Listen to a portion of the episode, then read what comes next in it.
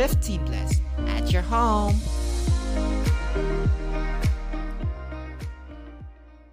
Hai semua pendengar setia 15 Plus Podcast. Hari ini kita udah di episode terakhir nih dari season 1. Jadi season 1 itu kan ada 15 episodes.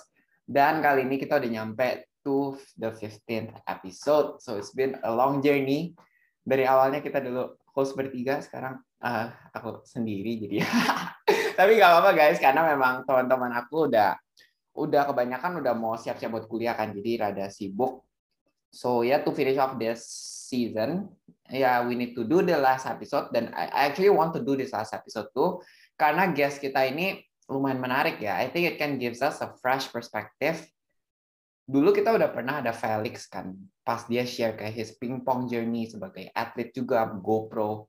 Tapi now kita melihat dari sport yang lain, which is lebih ke basket.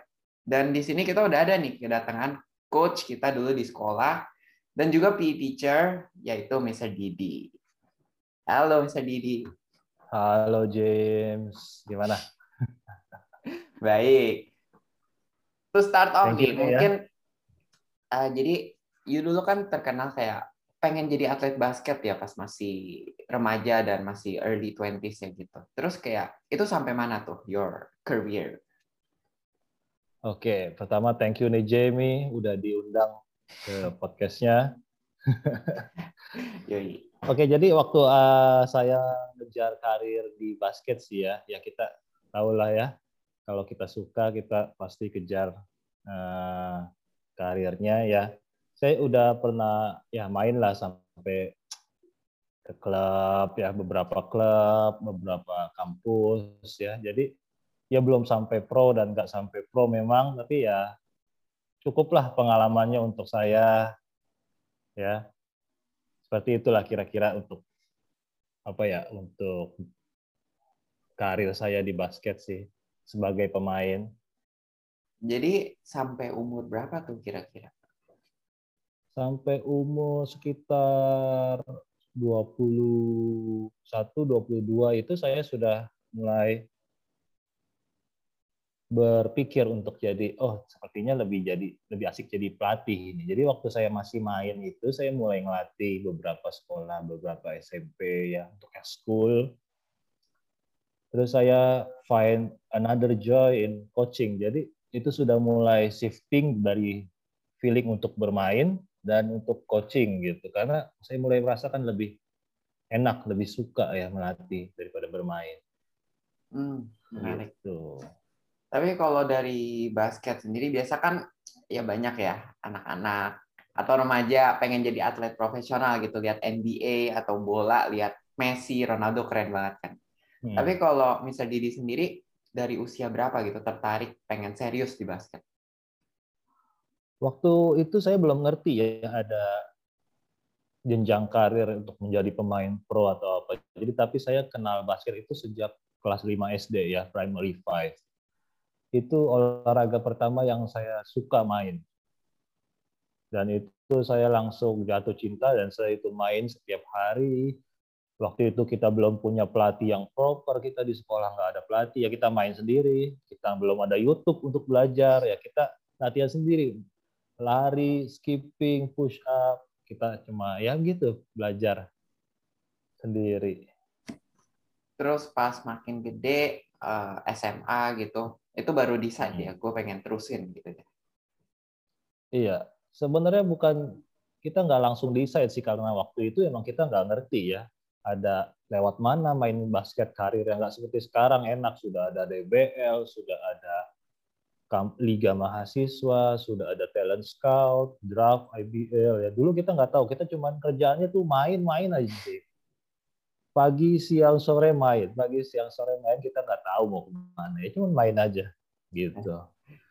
Sampai nanti sampai kuliah ya kita tahunya ya sudah mulai baru tahu oh ada ada ada liga mahasiswa ada apa gitu. Karena informasinya dulu memang belum ter, terbuka lebar ya gitu ya nggak kayak sekarang. Hmm, iya sekarang sih hmm. ada internet ya. Banyak yang terbuka iya. lebar gitu. Ya semua bidang lah hampir semua bidang kayak makin terbuka Hmm. Uh, dulu pas akhirnya you decide mungkin pas di kuliah kan, pengen lah cobain nih, bisa gak ya nyampe ke Pro League. itu kayak dari parent sendiri ada kayak dorongan support atau reaksinya gimana tuh? Oh, kalau parent sih ya dari kecil dia dukung sih Ai main basket gitu. Dia senang Ai olahraga. Jadi ya waktu Ai, kita mulai main basket, saya mulai main basket, ya dia penuhi gitu gizinya apa ya dia bantu gitu ya dia saya mau latihan di mana diantar gitu. Jadi walaupun memang belum ada keputusan tapi dia dukung kita saya berolahraga gitu ya. Jadi waktu saya mau main saya bilang saya mau main basket uh, lebih fokus. Saya mau jadi pelatih lebih fokus. Ya mereka dukung untuk putus keputusan karir saya sebagai mau main basket atau mau menjadi pelatih, mau menjadi guru, ya orang tua sih mendukung aja karena mereka melihat waktu kita waktu saya bermain basket ya ada tanggung jawabnya, ada sisi positifnya gitu. Hmm. Walaupun hmm. uh, pas kuliah itu kan sekolah di di mana tuh? Ah, saya sekolah kuliah agak lompat-lompat ya. Yang terakhir di Esa Unggul. Oh, oh lompat-lompat. Karena kalau aku lihat di iya. LinkedIn yeah. kan nggak kelihatan lompat-lompatnya ya. Iya. Sempat pindah sini, pindah sana. Iya. Dulu kita nggak nggak terlalu apa ya fokus kuliahnya hanya bermain basket aja sih.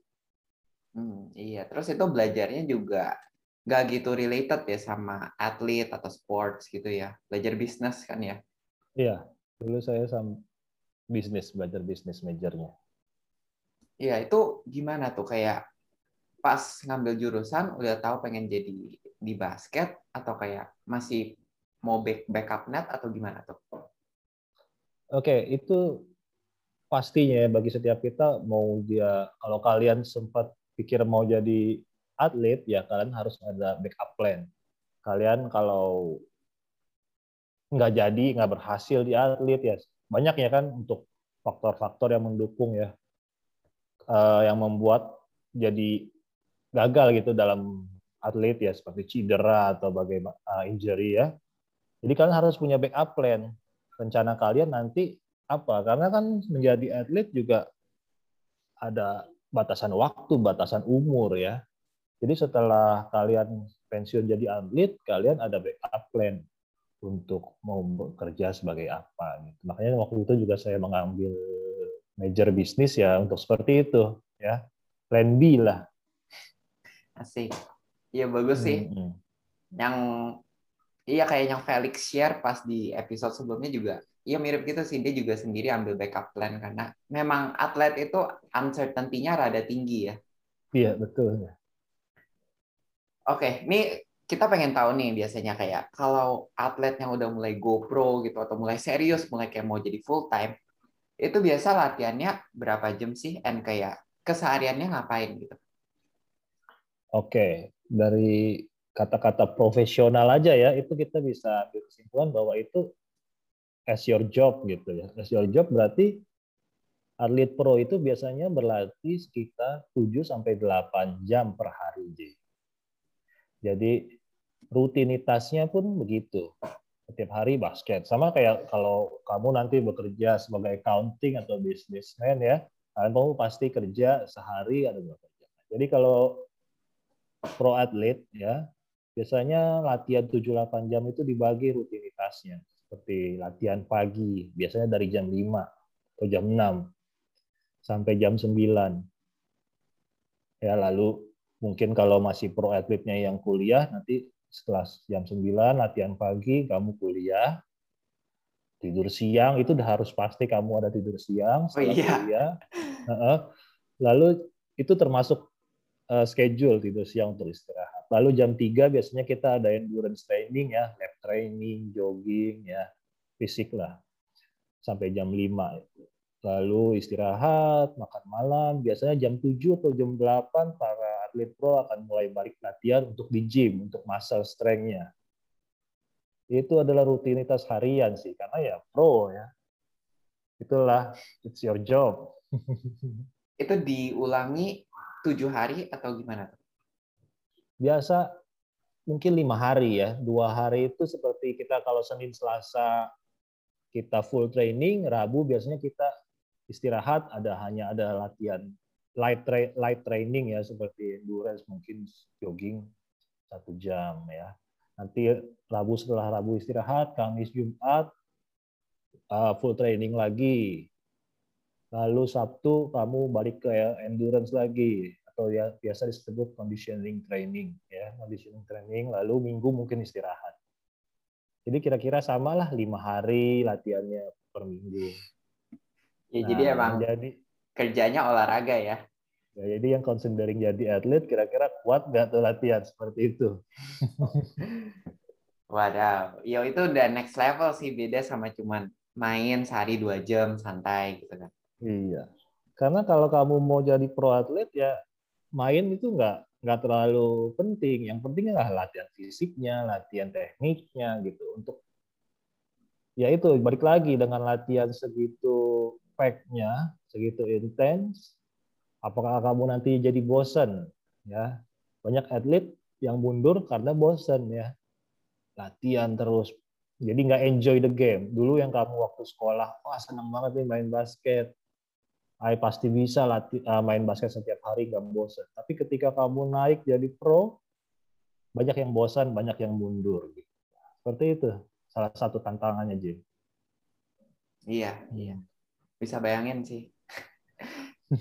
Karena ya gitu deh.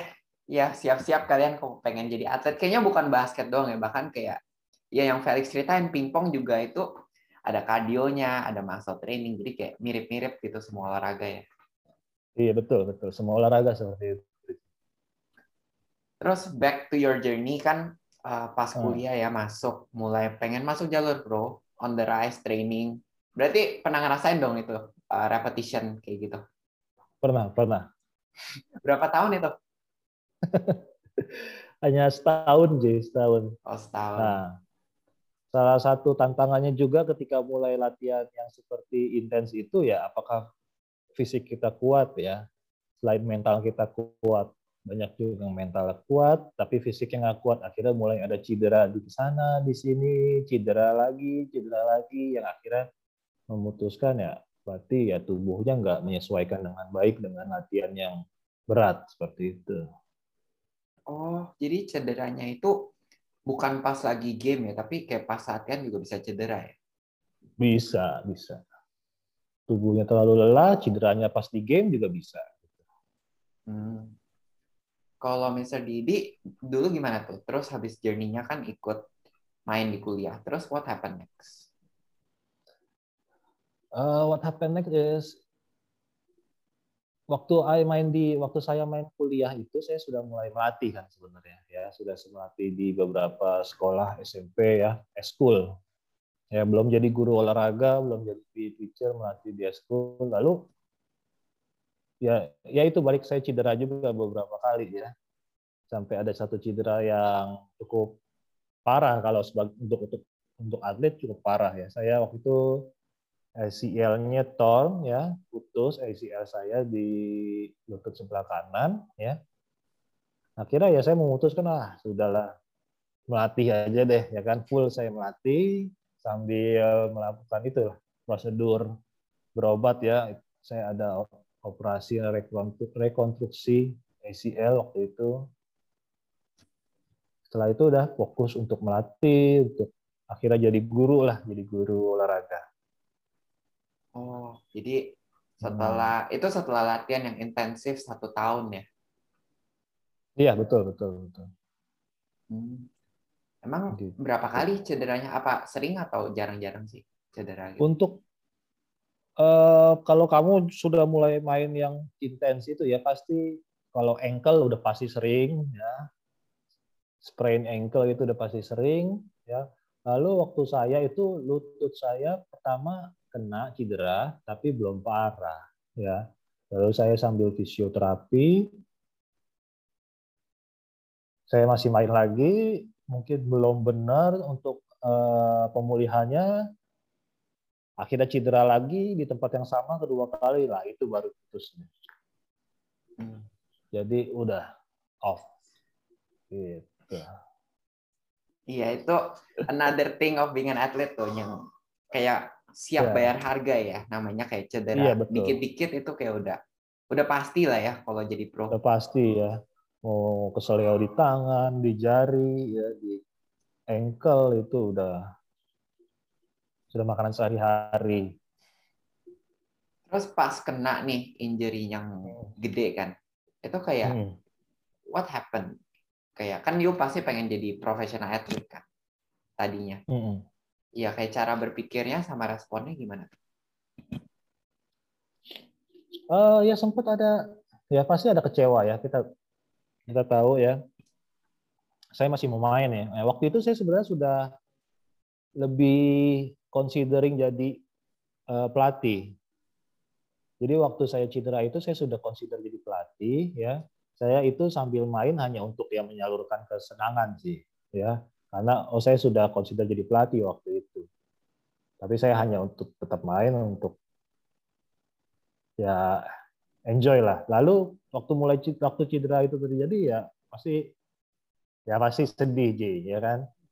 Itu sakit banget memang rasanya. Nah, ya ya oke kita hanya face it lah ya kita we, we face the truth ya kita jalanin aja kita lihat ke depannya seperti apa. Seperti itu. Kecewa pasti ada. Itu uh, dibilangin kayak gak bisa main profesional lagi atau sebenarnya gak dibilangin? Sebenarnya bisa, sebenarnya bisa, tapi sangat sulit untuk eh, apa recovery-nya ya, recovery tubuhnya, recovery mentalnya gitu ya. Biasanya setelah terjadi cedera parah seperti ACL tahun itu, dokter akan menyarankan ya untuk untuk olahraga ya yang yang secukupnya saja atau di sebagai hiburan aja gitu. Nah, kita bisa pilih ya. Biasanya akan dipilih kalau kamu mau tetap eh, intens latihannya untuk recovery ya setelah setelah surgery kan pasti ada latihan recovery-nya ya. Penguatan ototnya ya. Nah, kita kamu pasti disuruh pilih. Kamu mau sebagai masih mau intens atau tidak. Ya, kalau intens ya pasti latihannya berbeda penguatan ototnya. Tapi kalau untuk ya sekedar hiburan ya latihannya akan lebih ringan untuk recovery ya. Tapi kamu untuk beraktivitas harus lebih jaga-jaga gitu. Hmm. Terbatas Oh, lah, terbatas. Jadi kalau sebenarnya kalau kita pengen ikut recovery yang intens, tapi gak mau jadi intens lagi, cuman supaya lebih kuat gitu loh. Bisa juga ya? Bisa, Iya, bisa. Tapi capek banget ya, aduh. iya sih. Apalagi sakit kan Eh. recovery gitu. sakit banget itu recovery ya. Jadi asa- untuk teman-teman tahu ya, setelah surgery ACL biasanya kita nggak bisa gerakin kaki kanan kita, kaki kita itu ya. Jadi kamu seperti lumpuh ya kaki yang kamu surgery itu. Kamu akan belajar latihannya lagi tuh untuk gerakin jempol kaki ya, jari kaki. Setelah kamu bisa gerakin jari kaki, kamu gerakin ankle kamu, kamu mulai belajar angkat kaki kamu, aduh itu panjang. Itu da- bisa dari enam bulan sampai setahun. Gitu. Hmm. Saya setelah surgery itu sekitar satu bulan baru bisa pakai ya tongkat ya. Pertama itu sebelumnya masih pakai kursi roda, lalu dua bulan, tiga bulan bisa jalan tanpa tongkat itu empat bulan. Gitu. Mungkin Lama juga ya. di Springfield tahu ya, waktu itu saya datang ke ngajar di Springfield masih pakai tongkat, masih pakai kursi roda gitu. Hmm, hmm. Jadi setelah itu ya you already decide ya karena udah ada coaching experience juga. Terus Hmm. langsung jadi eh, guru olahraga atau coach ya basket. Hmm. Oke nih, ini itu perjalanan yang ya banyak ups and downs ya. Apalagi kayak Ya, endingnya betul. juga ya berat itu endingnya. Tapi kayak dari semua journey itu, what did you learn sih yang bisa dibagiin buat kita semua? Dari setiap journey kita itu ya, pasti kamu yang kamu pelajari adalah you will know yourself better gitu. Ya. You'll understand yourself better. Oh, ini terjadi ke di kehidupan saya karena ada rencananya yang lain dari uh, dari Tuhan ya. Jadi you will know, you will learn about yourself better dari setiap journey yang kalian alami ya seperti itulah. Jadi kalau saya mau bilang ya, kamu jangan takut apa yang terjadi di kehidupan kamu nanti kamu pasti akan mengambil sesuatu. It will shape you, ya seperti itu sih. Jadi jangan takut lah apa pun yang terjadi. Iya, walaupun rencana kita dibelok ke mana ke mana, enjoy aja, percaya tujuannya itu yang terbaik ya. Betul. Nah, maka saya lebih oh senang juga. Akhirnya saya jadi pelatih ya ketemu kamu, ketemu murid-murid ya. Kalau kita main terus ya, apa ya pertandingan ya sampai kapan ya. Sekarang saya mau umur berapapun saya tetap bisa merasakan semangat bertanding ya sama murid-murid sama pemain-pemain ya. Serunya.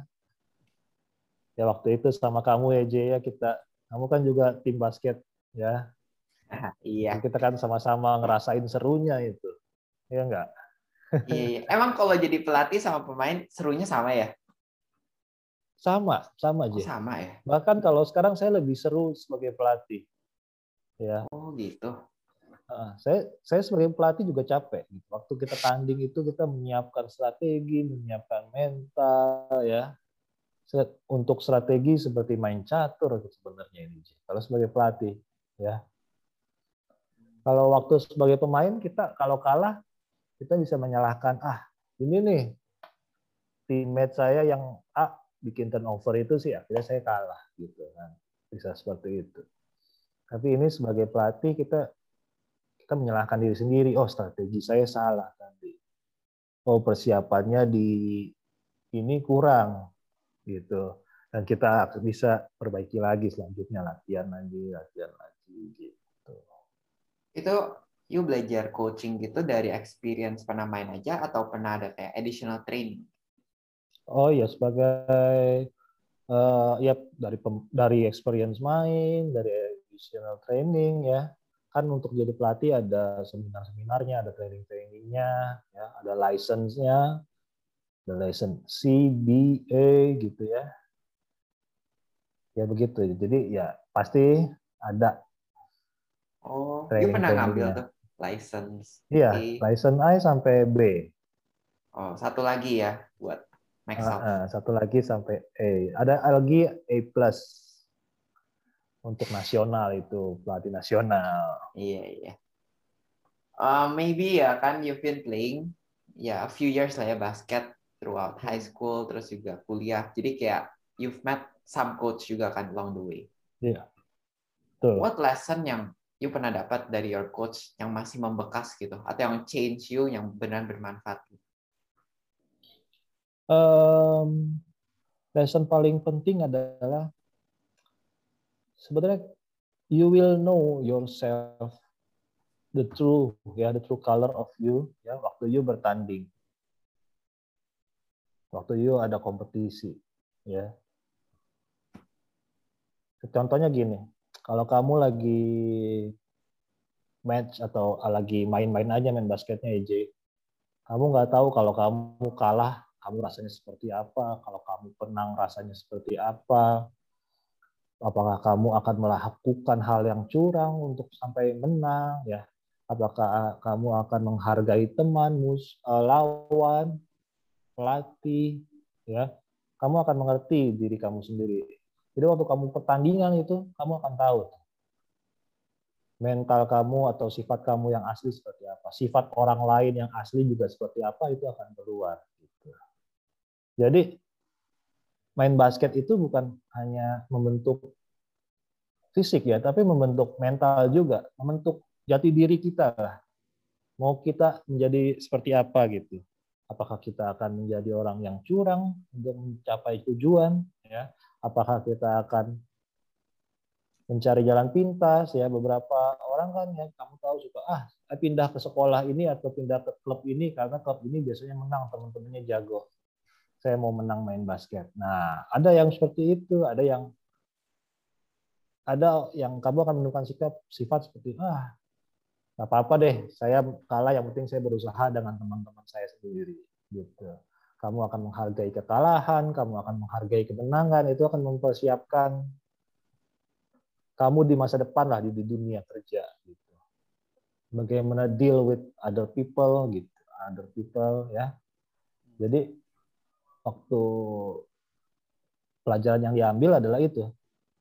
Basket akan mempersiapkan kita di dunia selanjutnya gitu di kehidupan kita. Berarti buat yang nggak pengen jadi atlet juga bagus ya ikut basket bagus, di masa bagus sekolah. banget. Di masa sekolah bagus banget, J. Hmm. Ya, untuk pengalaman. Iya, seru sih dulu. Iya. Kamu gimana dulu, J, waktu jadi tim basket pengalamannya? Cerita-cerita juga dong. Dulu udah lama ya, kayaknya SMP 3 itu yang beneran serius banget. Hmm. Pengalamannya seru karena memang pelajarannya masih ke handle ya, kayak belajar apa belajar terus habis sekolah masih bisa main berapa jam gitu sampai sore. Hmm. Pengalaman apa lagi? Buat kompetisi ya itu tegangnya sih, tegangnya berasa. Dan ya melatih teamwork juga ya karena basket itu nggak bisa main sendiri. Kayak pasti at least berlima ya tapi kan pasti ada yang lain juga kan. Jadi itu melatih. Gimana sih kita lebih pentingin timnya dibanding kayak kita sendiri untuk shine gitu. Nah, apa yang kamu pelajari dari kekalahan atau kemenangan yang pernah kamu alami, J? Dari kekalahan tiga tahun lalu oh sebenarnya sih kalau dulu kalah sih nggak apa-apa ya. Maksudnya aku bukannya kayak maksa pengen menang kayak enjoy aja gitu. Karena em, mainnya aja udah seru gitu loh. Kayak sama teman-temannya dulu seru banget gitu. Jadi kayak whatever mau nyampe mana juga I'm okay gitu. Kalau menangnya apa yang belajar dari kemenangan? Ya setelah melewati beberapa yang kekalahan sama kayak yang susah-susah lah ya masanya.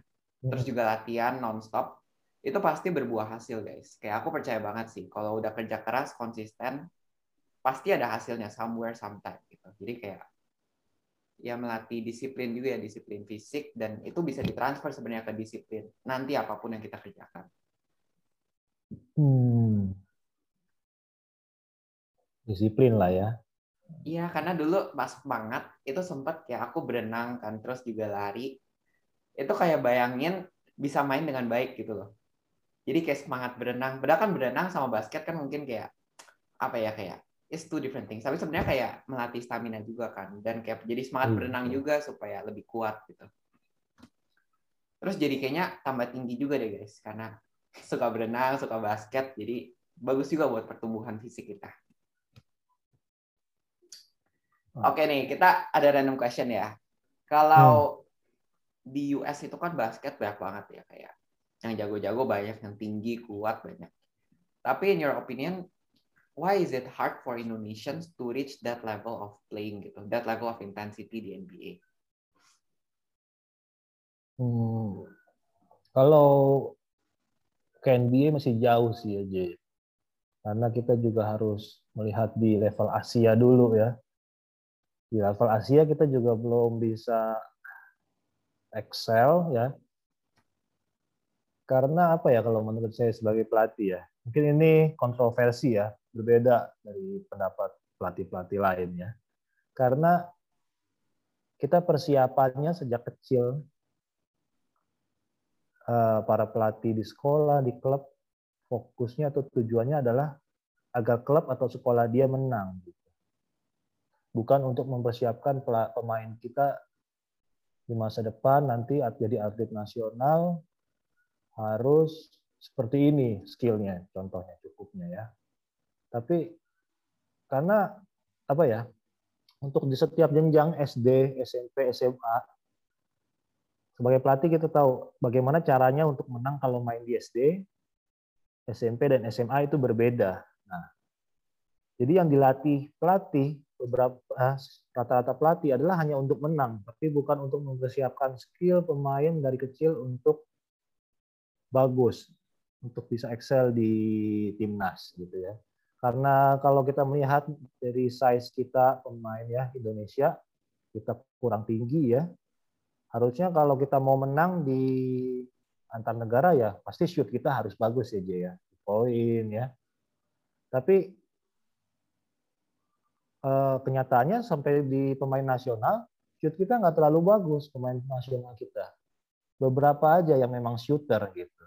Harusnya kalau kita mau excel di tim di jenjang nasional ya semua pemain kita harus bisa shooting harus bagus. Contohnya ya pemain Korea ya atau pemain lain. Semua pemain di setiap posisi bisa shooting. Nah pemain kita enggak. Itu kenapa? Karena kita persiapan dari level jenjang bawahnya ya tidak seperti itu. Coba kalau kita semua pelatih ya kompak harus belajar shootnya bagus. Tidak hanya memenang mementingkan menang di level SD SMP SMA gitu. Kurang kompak kalau menurut saya. Jadi dari sistemnya gitu ya sistem. sistemnya iya sistem pelatihannya yang kurang sejalan Emang gitu. misalnya kalau di SD sama SMP, emang bedanya apa gitu strateginya? Contoh kalau di SD ya kan kita banyak peraturannya ya. Di SD peraturannya berbeda untuk SMP dan SMA ya. Harus pergantian pemainnya dibedakan. Nah, di SD kalau kita mau menang harus apa? Harus cuma bisa lari kenceng aja, J. Cari pemain yang larinya kenceng. Ya, Lari harus aja. seperti itu. Lari aja pasti menang. Gimana ceritanya? Jadi dia lari terus sampai bawah ring gitu lah ya, undering gitu ya. Iya. Yang kuat aja. Dia cuma bisa dribble, ya, under basket lari ya, cukup. Untuk level SD di kita ya. Gitu. Lalu ada satu dua pemain yang tinggi cukup. Untuk SMP ya, untuk SMP cukup sama. Ya kita mesti cari yang lari aja terus, Dek. Ya, lari terus. Yang Iya. kuat lari aja pemainnya. Nggak usah diajarin three point kalau di SMP. Rata-rata gitu. Kalau kita mau menang, cari aja yang lari terus. Maunya lay up, maunya lay up J, dapat ball, throw free throw ya. Gitu. Harusnya kan kita tetap latih dari SD ini latihan shoot bagus, ya basicnya bagus. Lalu untuk SMA bedanya apa? Kita cari pemain besar aja, J. Cari pemain besar ya. Kita punya pemain besar, ada yang bisa dribble, pemain kecil ya, pemain besar yang ajarin main low post, berbasket. Ya, cukup. Nah, seperti itu. Oh, tapi kalau udah dilewat SMA itu udah gak jalan ya. Nah, ya untuk lewat SMA ya kita itu dia harus baru mesti main sistem ya. Setiap setiap eh, posisi harus rapi gitu ya. Itu lebih sulit memang. Sebenarnya di SMA ya mulai juga ada yang bisa ada sistemnya gitu untuk three point, untuk apa sudah ada, udah sudah mulai. Tapi kalau kamu punya center dua biji aja, ya dua anak atau dua pemain yang 190 ya atau dua meter, udah pasti kamu menang ya. Mau kamu nggak punya shooter ya, Oh, menarik Kalau banget. untuk jenjang selanjutnya yang lebih kompleks, baru lebih lebih kompleks. Iya. Kalau lihat NBA main itu cepet banget bolanya, formasinya juga kayak cepet banget passing-passingnya gitu. Iya betul. Tapi lucu banget itu SD SMP jadi yang penting lari ya. Kalau yang kalian jago lari itu bisa menang tuh kalian. Bisa aja. Tapi kalau aku inget-inget ya dulu Hmm. ya pas SD pemain-pemainnya ya aku ingat sih teman-teman aku yang nantinya udah gak gitu main basket tapi pas SD itu jago gitu ya. Hmm. Mungkin kayak dia juga lebih tinggi, lebih mature duluan ya physically. Iya. Nah itu juga pembinaannya J. Jadi biasanya dari SD talentnya bagus ya. Kalau di luar negeri pembinaan ada oh ini ada anak bas, eh, bakat basket, bakat other sport ya. Mereka langsung ya pembinaan sama anak itu difokuskan kontrak kepada orang tuanya ya pemerintah itu langsung J. Jadi pembinaan pemerintah itu sangat fokus melihat bakat anak dari kecil. Itu juga yang menyebabkan ya kalau menurut saya basket kita sulit untuk berkembang ya karena untuk pembinaan kita kurang fokus seperti itu. Hanya ya yang suka basket ya berjalan sendiri aja berlatih ya karena suka basket gitu nggak ada pembinaan kurang pembinaan khusus dari pemerintah gitu. so far dalam sejarah belum ada kan ya yang masuk NBA dari Indo. Oh, belum sih. Belum, belum. Iya, kayaknya perlu dari kecil sih dirapin dulu ya supaya nanti pas prime time-nya bisa tembus ke high level. Iya, semoga ada ya nanti Jay. Amin. Tapi ngomongin NBA nih, kan NBA atau kayak atlet-atlet dunia yang kita kenal kayak bahkan di bola itu kan gajinya tinggi banget kan. Kayak LeBron James coba. Gila itu nggak kebayang apalagi deal sama Nike bikin produk itu udah kayak nggak bakal habis lah hartanya gitu. Tapi Iya. kalau di Indonesia itu gimana tuh? Kayak bisa kasih gambaran nggak compensation dari apa buat atlet Indonesia kayak gimana? Kalau dulu ya, kalau dulu ya menyedihkan sih. kalau dulu menyedihkan Jay. Kalau sekarang sih sudah sudah cukup oke ya, sudah cukup oke karena sudah ada klub-klub basket atau klub-klub olahraga yang sudah di take over sama yang mungkin kemarin apalagi beberapa artis take over beberapa klub uh, sepak bola, bola basket ya. Untuk sekarang cukup oke. Tapi balik lagi ya kamu sebagai kalau kamu memutuskan untuk jadi atlet, ya kamu harus punya side hustle juga ya. Mungkin kamu buka apa warung makan ya yang kamu bukan jaga franchise apa ya gitu. Tapi kalau untuk compensation-nya di olahraga sekarang sudah mulai sudah sudah mulai membaik. Sudah mulai membaik. Karena sponsor-sponsor sudah mulai masuk. Gitu. Dulu sponsor di klub olahraga kurang. Gitu. Jadi dulu pas you training di kuliah itu dapat kompensasi nggak? Eh, tidak semua pemain. Biasanya beberapa pemain yang spesial. Uang jajan itu ada. Tapi ya tidak semua pemain. Dalam satu kampus mungkin nggak semua. Mungkin hanya beberapa yang pemain eh, spesialnya yang dapat. Mungkin ada ada juga yang dapat beasiswa ya gitu. Oh, oke oke. Iya. Jadi kalau sekarang lumayan berapa sih? Aku bingung. Kalau dulu aku nanya Felix kan, yang buat pingpong itu berapa kira-kira? Nah, dia jawabnya itu sekitar kayak kalau latihan doang itu kurang lebih UMR. Tapi kalau menang, nah itu bonusnya yang bisa tergantung menang berapa kali gitu. Kalau di Hmm. basket mirip-mirip gitu? Kalau UMR mungkin ya untuk yang pro sudah pasti sih harusnya ya. Tergantung juga deal-dealannya ya sama owner, kontrak segala. Untuk yang pro sih sudah sudah pasti ya sama lah seperti orang kantoran yang yang standar gitu ya. UMR UMR.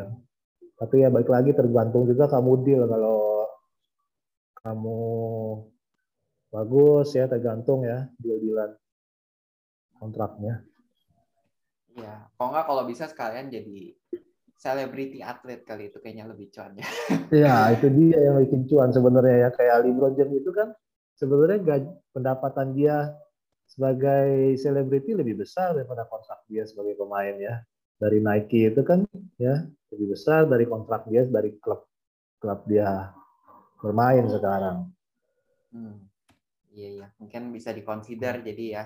Apalagi di Indonesia kayaknya kesempatan buat jadi selebriti atlet kayaknya bisa juga ya kalau dicoba di Ya makanya makanya banyak yang sekarang lebih yang juga terjun yang buka YouTube, buka uh, IG, bikin konten ya sambil mereka main ya. Udah mulai banyak tuh. Hmm. Terus eh, kalau kan banyak cedera ya di basket atau di sport lain, itu kayak Hmm. dapat insurance gratis gitu. Iya, biasanya ada, ada insurance sama eh treatmentnya biasanya ditanggung oleh klub. Gitu. Tapi juga balik lagi ke klub, apakah kamu join ke klub yang cukup bermodal atau enggak ya, tergantung lagi apakah kamu cuman kalau kamu cuman ikut tarkam ya, ya itu tanggung sendiri sih akibatnya.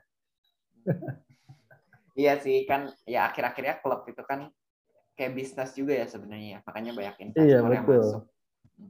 Betul. Mm-mm. Oke nih, setelah kita udah dengar perjalanannya kayak at least roughly ya. sekarang kalau ada Hmm. anak nih, misalnya masih muda gitu ya, belum kuliah, terus dia merasa gue jago nih di SMA, Hmm. gue cepat nih larinya. nah itu pengen jadi atlet, what's your opinion gitu, or advice to him or her? Boleh coba aja, ya. coba aja. Ada banyak sekarang jalurnya kan ada. Ya tapi itu balik lagi harus ada plan B-nya, ya plan B.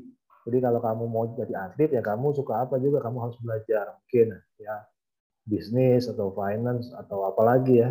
Kayak kamu J kan kamu ambil apa tuh bisnis ya. Ya, Kalau commerce. kamu ya e-commerce. Kalau ada yang aduh, saya jago nih, Mister, saya mau jadi atlet ya. Coba aja, coba. Tapi ingat harus ada plan B. Jangan menaruh ya, jangan mencelupkan dua kaki di sungai yang kamu belum tahu dalam atau enggak ya. Iya. Jadi go for it aja gak apa-apa ya. Support Nggak support aja. apa-apa. Support aja. Oke, tadi kan ya kita udah ngomongin berarti ada harapan sekarang lebih banyak. Tapi kalau buat yang belum tahu mungkin kayak jalur jalur apa sih yang dimaksud lebih banyak harapan gitu kayak what are the steps to be like a successful athlete in Indonesia? Hmm. Ya kalau steps-nya untuk jadi successful atlet ya kamu harus pilih pilih klub yang baik. Pasti kan sekarang untuk eh, ada klub ya klub lokal lokal klub di setiap daerah ya kamu harus pilih klub yang bagus yang memang fokusnya untuk pembinaan yang atlet yang baik ya bukan cuma mikirin menang aja menang kompetisi kompetisi lokal aja tapi pembinaannya kamu harus cari oh memang ini pembinaannya baik untuk masa depan atau skill saya nantinya gitu ya. Lalu setelah kamu pilih klub yang baik, ya kamu harus cari pengalaman ya, cari pengalaman bertanding ya. Lalu ya kamu pasti nanti ketemu ya, pasti nanti kalau kamu sering bertanding ya, kamu nanti ikut klub, kamu menang ikut klub, biasanya kamu bisa dipanggil di Popda, Porda ya. Itu dapat surat nanti dari klub atau dari Pengprov, Perbasi gitu ya. Kalau kamu dapat surat panggilan untuk Porda, nanti lanjut ke Popda ya, kamu bisa menjadi ikut PON ya, biasanya jalurnya seperti itu ya. Nah, tapi pasti itu kamu dikenal lewat mana ya, lewat klub. Jadi balik lagi kamu harus pilih klub yang tepat. Untuk Awalnya pilih. di klub yang tepat ya, Betul. baru membuka jalan. Betul. Iya, berarti berarti memang kitanya perlu jago ya. Jadi ikut klub, terus nanti dilihat hebat, nah baru dikontak ya buat ikut apa-apa lagi. Betul, iya ya harus latihan ya, harus ada jalannya. Jadi kalau ikut klub nih udah dua tahun, tiga tahun, tapi gak ada yang kontak, berarti udah ya. Ya anggap aja untuk kamu refreshing lah, Oke, oke. pengalaman aja. Sekarang kalau anaknya oke, pengen semangat Uh. ikut klub, Hmm. tapi dari sisi orang tua mungkin agak concern. Karena kayak, Hmm. apa benar nih bisa dapat karir yang bagus gitu di olahraga? Nah, Hmm. what's your advice or opinion to the parents and also to the children? Um, advice ya. Kalau untuk parent ya, kamu harus ya, kita harus kasih kesempatan untuk anak kita mencari apa ya, jalannya ya, jati dirinya ya. Jadi kalau dia memang mau mencoba menjadi atlet, kalau menurut saya boleh boleh dikasih kesempatan. Nah, tapi kita sebagai parent ya harus mempersiapkan, harus membantu juga untuk anak itu mempersiapkan apa plan B-nya. Jadi oke kamu mau serius di olahraga ya, tapi kamu harus belajar juga yang benar gitu ya. Kayak kamu harus ambil kuliahnya apa gitu ya. Ya harus diskusi lah ya diskusi. Jadi jangan juga kamu main basket terus nggak belajar ya. Jadi itu juga kita sebagai orang tua ya jangan ya. Tapi kita harus lihat oh kalau memang kita kemungkinan dia bisa kita tanya-tanya mungkin tanya pelatihnya atau bisa nggak nih uh, coach kira-kira anaknya berkembang di olahraga ya kalau semua sudah confirm bisa ya kasih aja coba. Ya, tapi kita harus mempersiapkan juga plan B-nya sebagai orang tua harus itu penting banget. Oke. Kalau buat anaknya apa ada something different atau sama? Sama ya, jangan main basket doang, belajar juga. Oke oke. Iya belajar gimana pun masih penting belajar ya. juga. Nilainya Iya, betul. bagus gitu ya. Iya, sekarang kan juga gitu ya untuk jadi student athlete yang mau di high school, mau di university, student athlete ya minimal harus pass nilainya. Gitu. Itu pun minimal banget ya harus pass. Kalau nggak pass nggak boleh main. Jadi Springfield pun begitu. Jadi sebelum kita ya para coach kirim anak ikut kompetisi ya kita discuss sama koordinator untuk lihat apakah anak ini nilainya pass atau enggak. Kalau nggak pass kita coret gitu. Iya iya. Biar dia bisa fokus belajar dulu ya, nggak usah. Iya, betul. Nah, in this next question ya, kebanyakan itu kan yang kita dengar biasa kayak dari muda atlet itu kan udah Hmm. latihan, udah udah ketemu what they love gitu. Mm-mm. Tapi sebenarnya banyak juga gak sih yang kayak misalnya umur 15, 16 baru mulai latihan serius, terus they can make it into the pro league, into the top berapa persen gitu. In your opinion Banyak kayak juga, banyak. having a young start gitu, is it really really a big difference? Iya betul. Big difference. ya? Kalau kamu eh, start young kayak eh, primary four, primary five, ya sudah mulai latihan koordinasi itu sangat membantu ya. Tapi kalau kamu masih 15, 16 baru mulai banyak juga sih, banyak juga.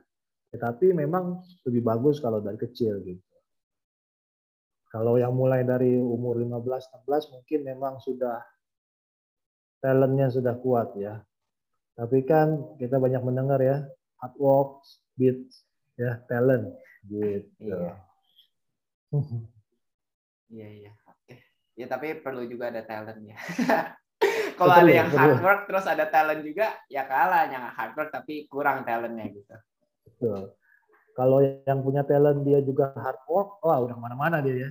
Iya. Kan orang suka bilang yang work hard work smart karena dia bilang dia work smart. Tapi kalau ada orang yang work hard and smart, ya lebih jauh lagi gitu nyampe Ya, pasti lebih jauh lagi ya. Iya. Betul. Oke, sekarang kita mau bergerak nih to the next stage of the story, which is uh, sekarang udah jadi guru kan, udah jadi coach gitu. Nah, pertama-tama nih, um, do you kenapa kayak pilih jadi coach gitu sampai sekarang instead of do you consider like a corporate job atau kayak office job yang masih berhubungan dengan sports juga mungkin? Pertama ya mungkin karena saya juga belum pernah kerja di corporate ya. Jadi dari awal mulai melatih klub, melatih school, lalu jadi guru. Jadi saya belum pernah merasakan kerja di corporate ya. Nah, jadi ya seperti itulah. Jadi saya memang belum pernah merasakan kerja di corporate. Karena memang udah ya udah ada lah ya jalurnya buat jadi coach sudah terbuka dulu ya. Iya, iya betul. You've been a player and a coach uh, di dua sisi lah ya, yang main dan Hmm. juga yang melihat orang-orang main. Mm-mm. Dan you already said juga tadi pas lebih agak di awal kayak you like being a coach more ya. Hmm. Tapi which role is more challenging sekarang?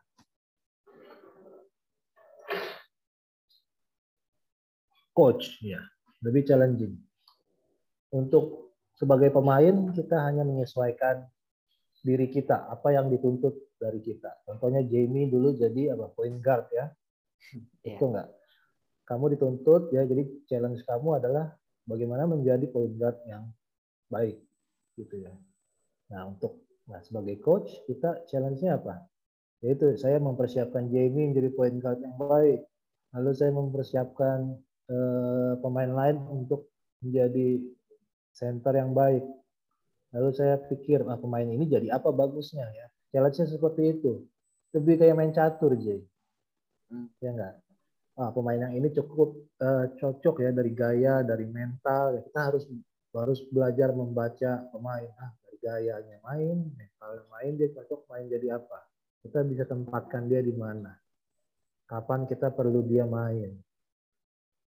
ya jadi lebih ke main game waktu jadi coach ya challenge sih seperti itu. Jadi ya lebih seru kalau pas tanding gitu. Otaknya muter terus. Kapan time out? Kapan apa? Kapan si Jamie main? Kapan shooter main? Gitu. Eh, tim lawan apa kekurangannya? Gitu. Tapi mungkin pengen nanya sedikit kalau kayak misalnya kapan shooter ini dimasukin? Itu gimana taunya sih? Atau kayak insting gitu? Itu ya insting waktu kita sering um, membaca pemain itu ya kita insting sih itu kapan kita butuh nih kapan shooter shooter ini main siapa yang jaga shooter ini nih? Kan uh, mismatchnya di mana gitu ya. Shooter saya Jamie lebih tinggi dari shooter dia nih. Atau contoh pemain uh, tim lawan, defendernya kurang di pemain mana? Wah, center saya lebih tinggi dari center dia. Di game ini saya akan main center. Contohnya seperti itu. Lalu mungkin di game selanjutnya, oh shooter saya bagus. Tim lawan mainnya defense, ya. Saat ini saya butuh main untuk shooter. Gitu. Jadi lebih seperti itu, kita membaca teorinya seperti apa, lalu kita juga implementasikan, oh di lapangan keadaannya seperti apa, kita uh, ambil deh, we, we take the call deh. Sih. Iya iya, ya benar kayak main game gitu ya. Jadi iya, lihat betul. gimana di lapangan, terus kita gimana position ourselves to be the best possible gitu. Betul, Jay. Jadi lebih lebih seru juga kan, Jay, kalau kamu sekarang ya, kira-kira ya. iya, bisa bayangin tapi nggak gitu gampang juga sih kalau aku bayangin ya perlu experience-nya yang ah. lumayan iya yeah. oke okay. You've been a coach for now for lama juga ya udah beberapa tahun ya. Iya iya. Dari kalau coach itu saya mulai dari 2011 wow 10 tahun pas 2021 iya. Tuh. nah tahun. itu sepanjang itu biasa what characteristics qualities or skill in a player? Yang if you see that in a player kayak wah ini potensinya gede ini bisa jago nih kalau dilatih gitu teachable. Bisa dilatih atau bisa diajarin. Itu the most important quality. Ya. Teachable. Jadi kalau kamu punya bakat tapi kamu nggak bisa dilatih kamu nggak bisa diajarin bakat itu pasti wasted. Ya. Jadi the most important quality adalah teachable. Sebenarnya bukan di olahraga aja ya tapi di semua hal ya. Jadi jadi kalau kamu ini untuk yang lain juga ya kalau kamu mau maju kamu harus ya, teachable kadang kalau kita merasa udah jago aja ini tantangannya saya udah jago nih saya juara ini ya nggak bisa dilatih, nggak bisa dikasih tahu. Nah itu sudah dead end gitu. Tapi kalau kamu masih bisa dilatih, diajarin, ceiling kamu akan naik terus, kamu akan bisa berkembang terus. Itu yang akan menentukan kamu nanti punya huge potensial atau enggak gitu.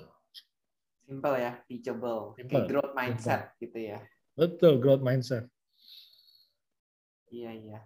Iya, itu ya mungkin selain karena kan kalau kayak tinggi badan atau otot itu kan mungkin lebih inherent ya kayak ada yang yeah. udah born like that. Tapi kalau teachable kayaknya semua orang bisa belajar atau choose to be teachable.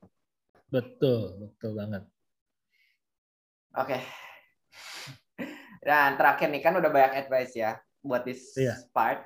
Ini kayak what's the most common tips sih yang biasa kalau lagi pertandingan sama murid-murid atau sebelum pertandingan atau sesudah pertandingan kayak what's the advice gitu yang selalu dikasih ke the players yang paling sering gitu, paling common enjoy the moment sih ya enjoy, enjoy the moment mau sebelum sesudah pertandingan itu enjoy the moment. Jadi waktu kamu sebelum pertandingan saya selalu bilang enjoy the moment. Ini pertandingan final kamu ya. Contoh gitu. Enjoy the moment.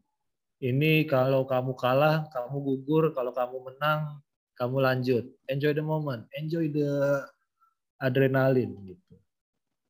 Lalu setelah kamu main, kamu menang, kamu kalah, enjoy the moment. Kalau kamu kalah, take it ya, belajar. Oh ini perasaannya kalah. Oh ini perasaan menang ya. Setiap kita kita harus uh, belajar bagaimana menghandle perasaan kalah, gitu ya.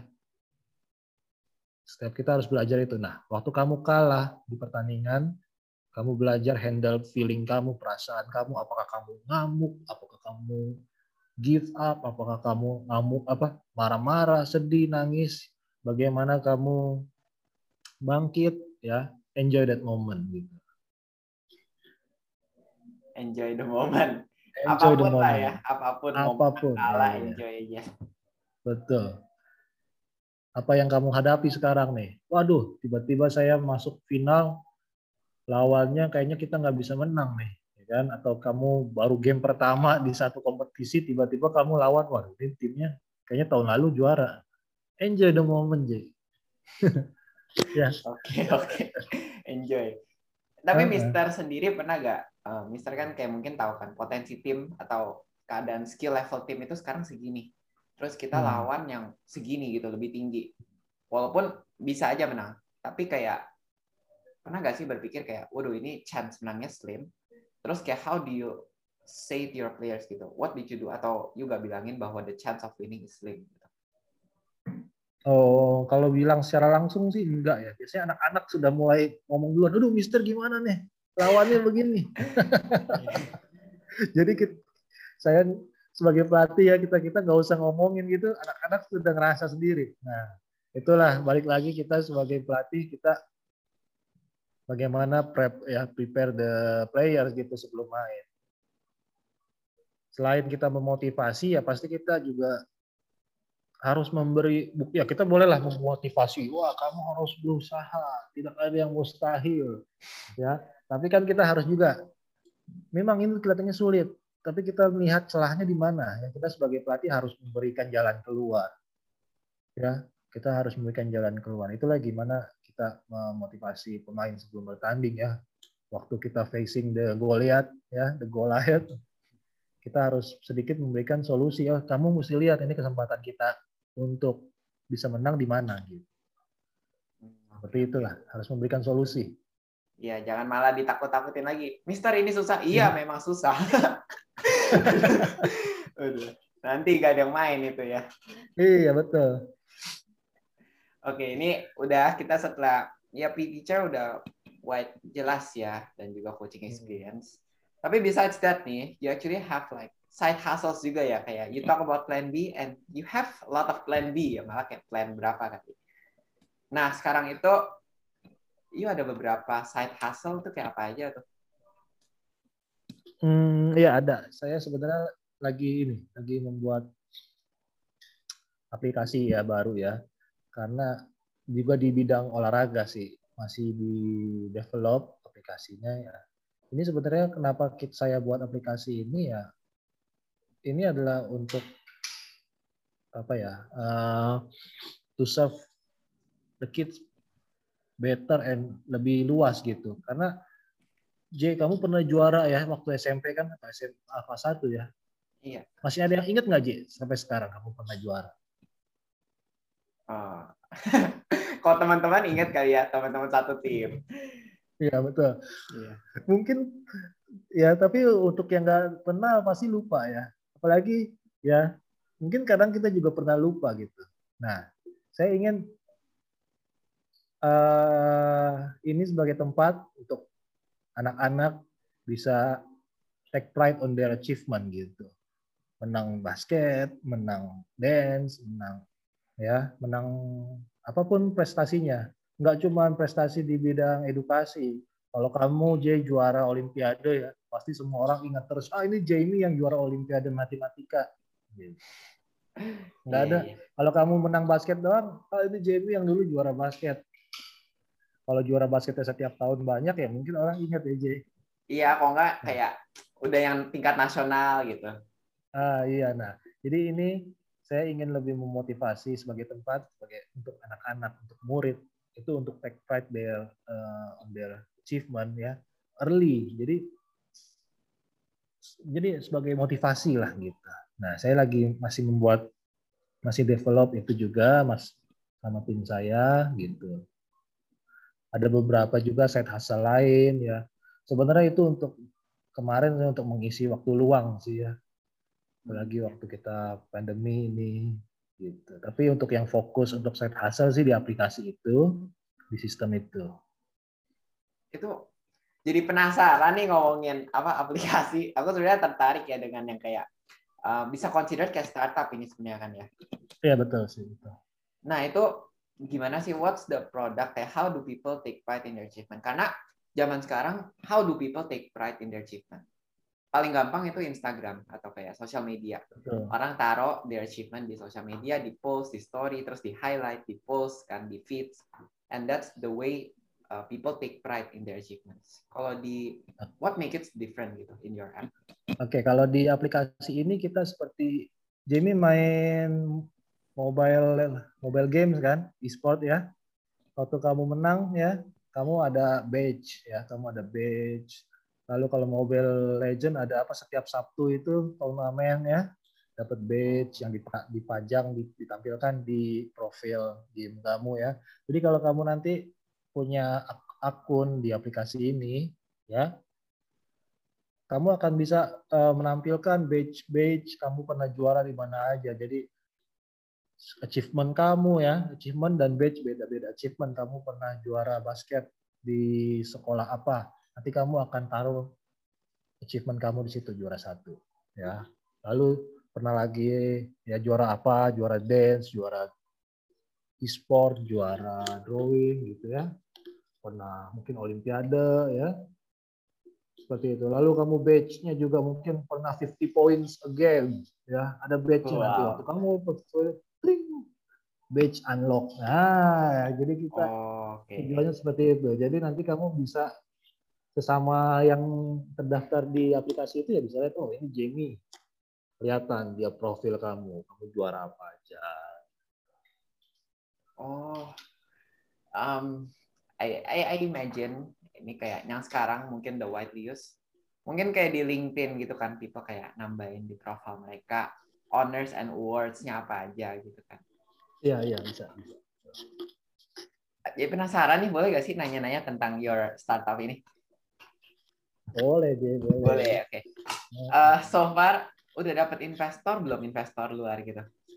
Oh belum belum. Jadi kita masih, masih sendiri ya. ya. Aplikasinya pun belum jadi, masih di develop. Nah jadi kita bootstrap semua masih kerja sendiri. Nah jadi mungkin kalau ada teman-teman yang mau, wah ini saya suka nih ya, saya mungkin mau join, mau ikut bantu ya.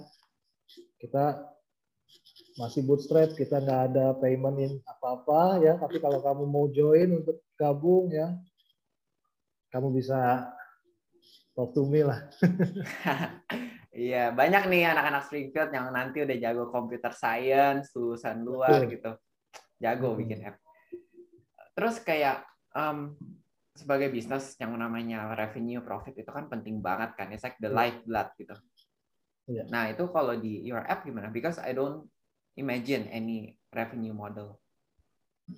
Uh, ya ada sih itu nanti kita masih develop itu sistemnya seperti apa, seperti bagaimana. Ya semoga aja bisa. Iya iya sama. Ada ada revenue-nya. Iya Tapi mungkin untuk dibicarakan sekarang sih mungkin nanti ya belum belum ya. launch ya belum belum oke okay, oke okay. ya curious to see nanti jadinya gimana kayak pasti yeah. pengembangannya banyak lah ya nggak stop di situ doang itu semoga ya ya amin. Ya udah sih itu aja. Oh for other side hustles ada beberapa kan tapi mungkin kayak tadi yang dibilang fokusnya di sini ya. Iya betul. Ya berarti uh, building this side hustles in the future pengen tetap jadi coach atau rencananya pengen jadi entrepreneur atau gimana? Kalau ini bisa jalan ya J ya, ya visinya untuk ini jalan ya untuk aplikasi ini. Sebenarnya ini salah satu mimpi saya gitu. Untuk membantu ya, sebagai pelatih juga ya. Untuk membantu juga anak-anak ya, di bidang bukan hanya edukasi gitu. Anak-anak sekarang take pride-nya jika ada achievement dibilang di bidang akademik ya. Jual dapat Cambridge A level A star ya, dapat Olimpiade Science ya, baru itu mereka bangga. Tapi lewat aplikasi ini, mimpi saya bahwa anak-anak bisa lebih dapat self pride-nya di setiap achievement yang dia dapat gitu mau di bidang olahraga seni art ya apa e-sport ya jadi ini seperti next level lah untuk saya hmm. Jadi uh, kalau jalan ya siapa tahu aja jadi full time entrepreneur ya betul betul oke oke penasaran banget sih itu aplikasinya I imagine itu ya jadi sosial media Gak tau kenapa. I imagine itu jadi sosial media gitu. Karena perlu yeah, banget yeah. users masuk ke platform baru become valuable platform. Pokoknya kayak kita taruh tapi gak ada yang ngeliat achievements kita kan kayak ada. Iya betul, harus ada temenan ya, harus ada connect sosial media lah. Kita yeah. bisa post something gitu ya. Network effect-nya perlu dibangun. Kuat nah, sih jadi, jadi. Ya, ada schedule juga. Jadi kalau kamu minggu ini tanding di sekolah apa, kamu bisa uh, announce kan. Hmm. Jadi untuk fans-fans kamu yang mau nonton kamu ya, iya, bisa tahu datang. kamu hari ini minggu ini tanding di mana bisa datang bisa lihat seperti itu nantinya jadi networking juga. Menarik menarik. Emang kapan rencananya uh, baru nyari investor gitu? Sampai ini bisa launch, bisa coba ya untuk uh, prototipe-nya baru deh nyari ya funding uh -uh. gitu oke oke nanti kan kebetulan aku juga sekolah jurusannya innovation and entrepreneurship kan. Jadi senang gitu kalau ngomongin kayak bisnis ide-ide baru kayak modelnya gimana strateginya. Seru sih. Oh, iya. tapi for now oh, ya. nanti kontak lagi lah. Iya dua tahun tiga tahun lihat aja ya gimana apa kabar. Oke.